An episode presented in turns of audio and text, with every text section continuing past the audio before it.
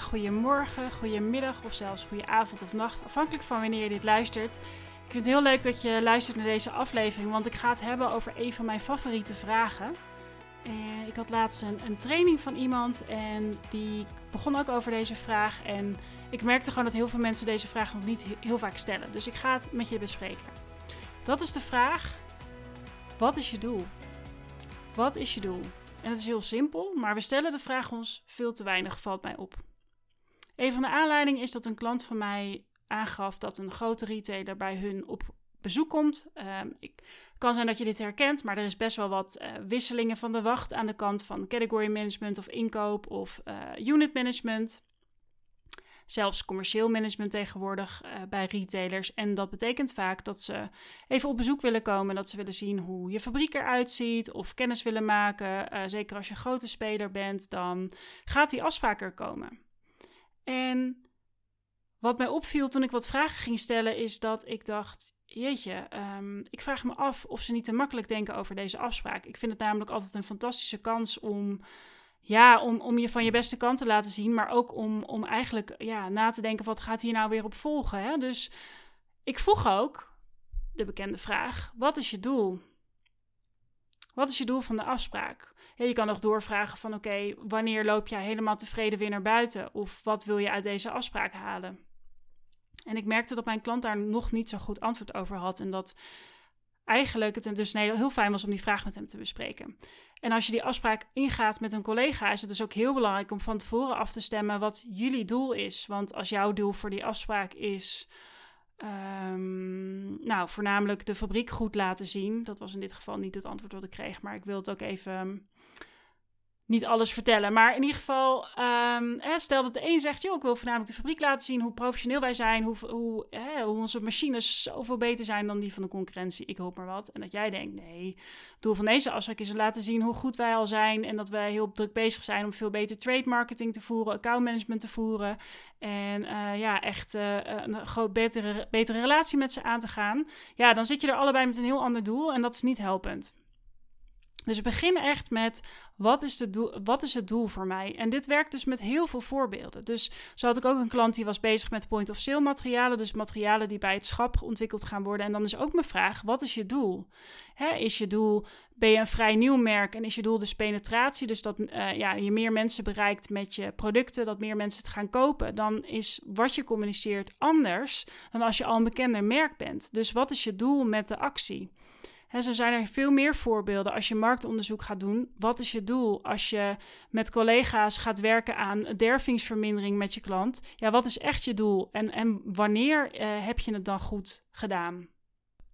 En het is ook helemaal niet gek om aan je klant bijvoorbeeld te vragen van tevoren: wat is jullie doel van het gesprek? En natuurlijk kan je in het begin van het gesprek nog even testen van joh, dit is de agenda. Uh, zijn er nog dingen die jullie er graag uit willen halen? Maar het is helemaal niet gek om dat goed voor te bereiden.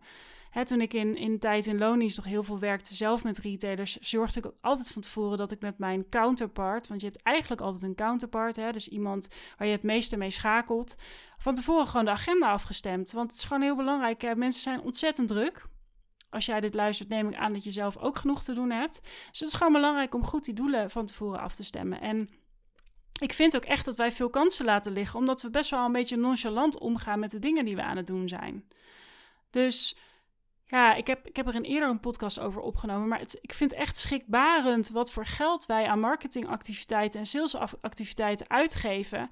En het niet goed evalueren en niet goed van tevoren doelstellingen bepalen. Hoe kan je nou uiteindelijk bepalen of iets goed werkt als je niet van tevoren ook hebt nagedacht welk doel je ermee hebt? En het hoeft niet eens altijd een, helemaal smart doelstelling te zijn, dus uh, specifiek meetbaar, et cetera. Want soms ja, doe je iets en je weet nog niet wat het kan zijn. Dus je bent net met een nieuw product gestart en ja, je weet wel ongeveer wat een vergelijkbaar product doet. Nou ja, dan kan je ergens daar wel een doel op zetten. Maar zorg in ieder geval dat je van tevoren bepaalt wat het doel is, wat voor soort doel je hebt. Dus is het dus wat ik zei met die point-of-sale materialen? Is het penetratie of is het herhaling? Is het merkbekendheid? Dat je in ieder geval erover nadenkt, omdat je vervolgens kan gaan bepalen, oké, als dat het doel is, wat moeten we dan gaan communiceren? Is het dan dus belangrijk dat we ook de verpakking bijvoorbeeld erop uh, tonen, omdat mensen het anders niet kunnen vinden, et cetera. Het zijn allemaal dingen die daarmee samenhangen. En ik vind het ja, een gemiste kans dat we die vraag niet vaker aan onszelf stellen. Concreet voorbeeld. Toen ik met deze podcast startte, was mijn doel eigenlijk gewoon om het drie maanden consequent te gaan doen. Helemaal niet het aantal luisteraars. Want ik wist ook, dit is wat meer van de lange adem. Podcast is meestal niet iets waar je meteen heel veel following mee hebt. Tenzij je, ik, ik volg iemand en ik ben even haar naam kwijt, maar zij is een heel bekende Amerikaanse ja, guru eigenlijk, die nu al heel bekend is en die met, is met een podcast gestart. Ja, die had na een week een miljoen luisteraars. Maar die heeft al zo'n grote naam dat dat niet zo gek is. Nou, uh, met alle respect, daar ben ik nog niet. Dus mijn doel was om dat drie maanden consequent te gaan doen. En vanuit daar weer een nieuw doel te stellen dus een nieuw doel van mij is dat ik ook met meer mensen in gesprek ga in mijn podcast. Omdat ik uh, ja, ook echt geloof eh, dat ik gewoon andere mensen geluid wil geef, geven in dit medium.